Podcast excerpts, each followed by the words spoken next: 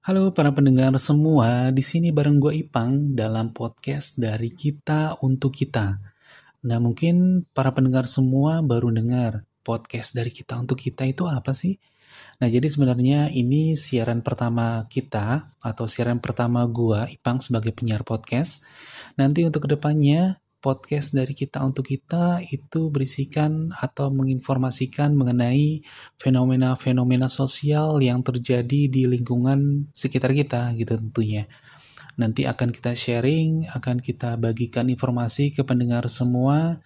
Nanti kita bakal informasikan yang tentunya up to date. Mengawali episode hari ini, itu ada fenomena yang masih hangat di telinga kita dan masih hangat juga di pandangan kita gitu mengenai pandemi virus corona yang sudah mendunia.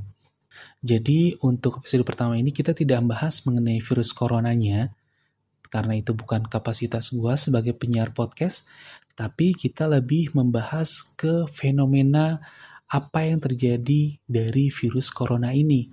Gitu. Salah satunya itu fenomena mengenai pembelian secara panik atau panic buying gitu. Jadi panic buying ini atau istilah lainnya itu bisa disebut juga sebagai penimunan berdasarkan rasa takut yang berlebihan gitu. Nah, untuk panic buying ini sebenarnya tidak hanya di Indonesia terjadi, ini terjadi di beberapa negara yang terjangkit virus corona gitu. Contohnya misalkan seperti Cina, Tiongkok, Hong Kong, Jepang, bahkan Korea Selatan pun sempat terjadi atau mengalami panik buying ini di tengah merebaknya wabah virus corona gitu. Kenapa sih bisa terjadi gitu kan? Nah jadi uh, menurut informasi yang gue dapat dan juga mungkin teman-teman juga mendapatkan informasi juga, jadi panik buying ini sebenarnya terjadi ketika uh, rasa cemas kita itu berlebihan gitu. Jadi maksudnya itu panik itu perpanjangan dari rasa cemas gitu. Contohnya misalkan ya, ini gue kasih contoh aja. Misalkan nih, saat kita naik motor, terus saat naik motor masih mendung nih cuaca gitu kan, mendung, udah mulai geluduk-geluduk gitu kan, gelap, tapi belum hujan. Nah, kita paksakan naik motor terus. Nah, tiba-tiba di tengah jalan hujan deras. Dan saat itu kita belum mengenakan atau belum pakai jaket jas hujan gitu tentunya. Nah saat di tengah jalan tentunya kita tiba-tiba minggir dong gitu cari tempat teduh mulai dari misalkan warung-warung pinggir jalan ataupun di bawah pohon besar yang rindang kita berteduh di situ. Nah itulah disebut dengan panik gitu karena kita belum ada persiapan apa-apa gitu kan. Nah terus juga apa sih bedanya cemas dengan takut gitu kan? Nah jadi cemas itu ketakutan akan sesuatu di masa depan dan belum pasti tentunya. Ketika seorang punya kecemasan pada titik tertentu, pada otak tidak bisa bekerja. Jadi rasa cemas akan berubah menjadi panik, panik buying atau pembelian cara panik ini tentunya bakal tumbuh gitu. Nah, terus kapan sih terjadi panik buying di Indonesia ini gitu kan? Untuk uh, yang baru-baru ini khususnya itu pertama kali ini berdasarkan yang gue tahu ya dan juga gue cari tahu mengenai informasinya itu pertama kali itu tanggal 2 Maret 2020 itu saat pertama kali Presiden Joko Widodo mengumumkan bahwa Indonesia itu sudah ada dua kasus positif corona gitu. Saat itu orang Depok ya dua kasus pertama itu di Indonesia Nah, setelah Presiden Joko Widodo mengumumkan bahwa Indonesia sudah ada dua kasus positif corona, keesokan harinya atau pada saat beberapa jam setelah Pak Presiden mengumumkan itu, banyak orang berbondong-bondong ke supermarket ataupun ke minimarket. Ini bisa gue ketahuin dari mana? Ini dari Twitter, Instagram, Facebook, dan sosial media lainnya gitu. Dan bahkan gue sempet dapat broadcast di WhatsApp gitu kan berupa foto dan juga teks bahwa masyarakat sudah berbondong-bondong ke supermarket gitu. Maksudnya apa? Jadi itu uh, maksudnya masyarakat itu berbondong-bondong ke me, apa supermarket. Mereka takut sewaktu-waktu nanti negaranya atau daerah di tempat dia tinggal itu di lockdown gitu. Di lockdown jadi mereka tidak bisa keluar seenaknya tidak bisa keluar rumah diisolasi juga. Jadi tentunya membutuhkan bahan makanan atau pasokan makanan yang lebih banyak lagi. Gitu maksudnya. Nah itu kasus pertama pada tanggal 2 Maret 2020 nah yang kedua setelah gue perhatikan itu pada tanggal 14 Maret 2020 jadi pada saat ada himbauan untuk kerja di rumah dan diliburkannya kegiatan belajar selama dua pekan kurang lebih sampai akhir bulan Maret ini gitu. Nah saat himbauan itu diinformasikan ke masyarakat tentunya terjadilah lagi panik buying gitu mulai dari kembali lagi ke supermarket, minimarket, bahkan di warung-warung di rumah-rumah dekat rumah pun gitu kan atau agen-agen dekat rumah itu diserbu juga gitu. Bahkan bisa gue cek sendiri di agen dekat rumah gue itu bahkan contohnya salah satunya itu uh, gula pasir. Gula pasir itu udah nggak ada gitu kan. Jadi uh, sudah ada menurut penuturan yang jual ya sudah ada berapa orang yang beli banyak gitu. Jadi dia buat pasokan di rumah untuk masak seperti itu. Nah itu yang kedua. Nah yang ketiga itu yang gue catat di sini pada saat setanggal 19 Maret gitu. Jadi saat pengumuman kasus positif corona di Indonesia itu sudah mencapai 300 lebih yang dinyatakan positif. Bahkan yang meninggal itu sudah lebih dari 25 orang yang meninggal saat itu. Itu. Nah, ini sudah uh, terjadi kepanikan yang nambah lagi, yang secara berlebihan lagi tentunya eh, orang-orang pada panik gitu kan.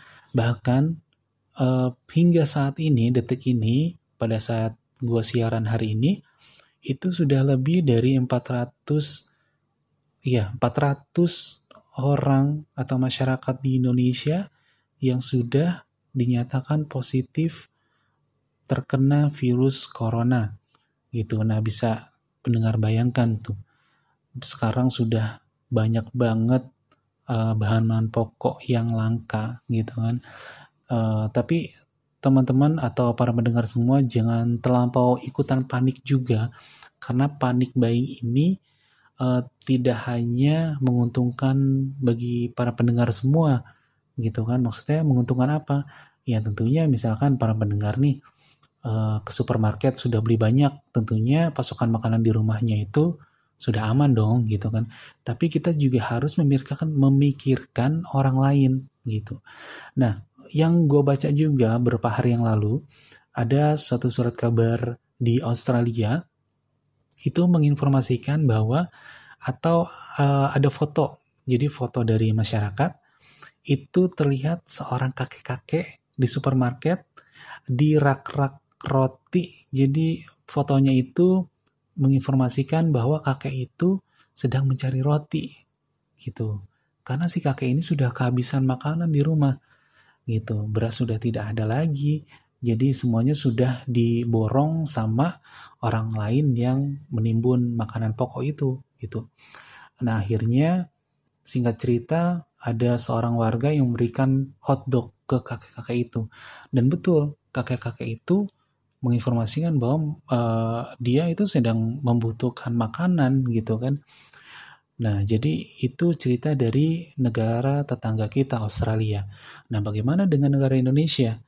Gitu. Nah, untuk beberapa hari yang lalu mengenai uh, gula pasir ya, yang tadi seperti yang gua udah sampaikan, itu sudah ada informasi kemarin dari uh, Menteri Perwakilan Menteri Perdagangan ya, kalau tidak salah, itu sudah menginformasikan bahwa uh, kekurangan gula pasir yang sempat langka beberapa hari yang lalu di Indonesia itu disebabkan karena uh, kekurangan impor gula pasir dari luar negeri gitu. Jadi pasokannya bakal ditambah lagi dari luar negeri.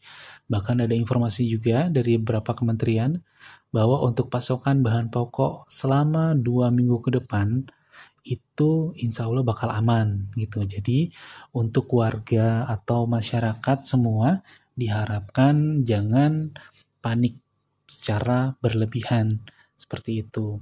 Nah, gimana sih uh, apa tentunya kan setiap orang itu punya rasa panik masing-masing ya. Ada orang yang paniknya itu ditutup-tutupin gitu kan. Dia diam aja. Tapi dalam hatinya dia was-was gitu kan panik. Ada juga yang paniknya di langsung ditampilkan gitu dengan sikapnya yang mungkin gerabak gerubuk gitu kan dan kecemasannya tinggi gitu. Nah, bagaimana caranya agar tidak panik gitu, agar kita tidak atau agar kita bisa mengerem panik buying itu? Nah, di sini ada beberapa informasi. Itu yang pertama itu bahwa pemerintah pusat DKI khususnya itu menghimbau pedagang untuk membatasi pembelian. Gitu. Maksudnya gimana? Membatasi pembelian itu misalkan kita beli beras gitu kan atau beli gula pasir itu kita dibatasi hanya sampai 2 kilo gitu setiap orang atau setiap kepala. Kita tidak boleh beli dari 2 kilo yang sudah ditetapkan oleh pedagang atau pemerintah gitu. Takutnya apa? Itu takutnya ditimbun kemudian dijual lagi dengan harga yang mahal tentunya. Seperti itu. Jadi dari pemerintah pusat dan juga pemerintah daerah dan DKI juga itu menghimbau pedagang untuk membatasi pembelian. Nah, kemudian eh, diharapkan juga pedagang tidak menimbun dan menaikkan harga seenaknya ya. Gitu.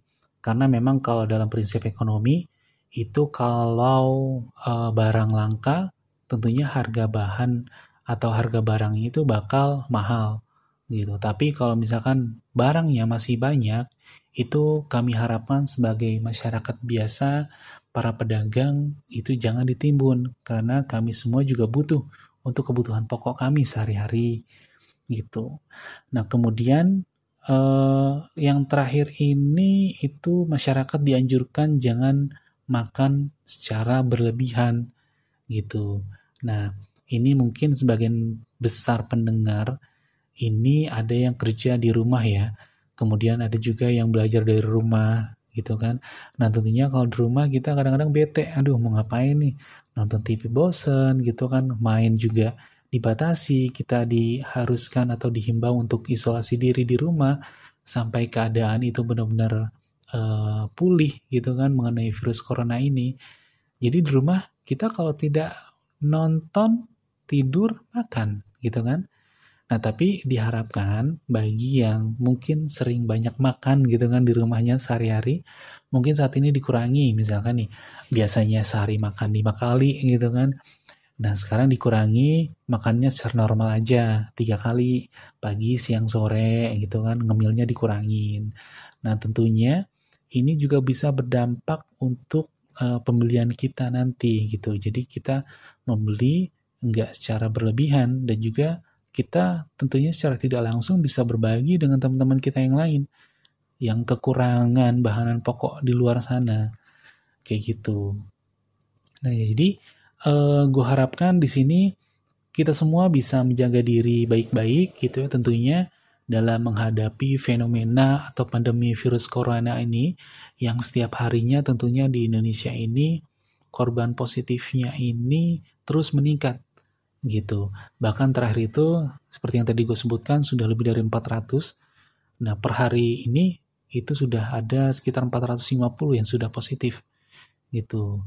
Nah untuk itu para pendengar semua harus bisa jaga diri, jaga kesehatan, jaga keluarga, jagain orang tersayang juga, jaga orang tua kita. Dengan kita mengisolasi diri di rumah, tentunya kita bisa membantu pemerintah dan tenaga medis lainnya untuk bekerja gitu. Nah, jadi bagi teman-teman semua yang mungkin ingin berbelanja besok gitu kan, dipikir-pikir lagi atau dipilah-pilah lagi, kira-kira belanja apa sih yang benar-benar kita butuhkan gitu kan. Jangan sampai kita gelap mata, kita beli apa yang kita inginkan, tapi kita beli uh, tidak apa yang kita tidak butuhkan gitu.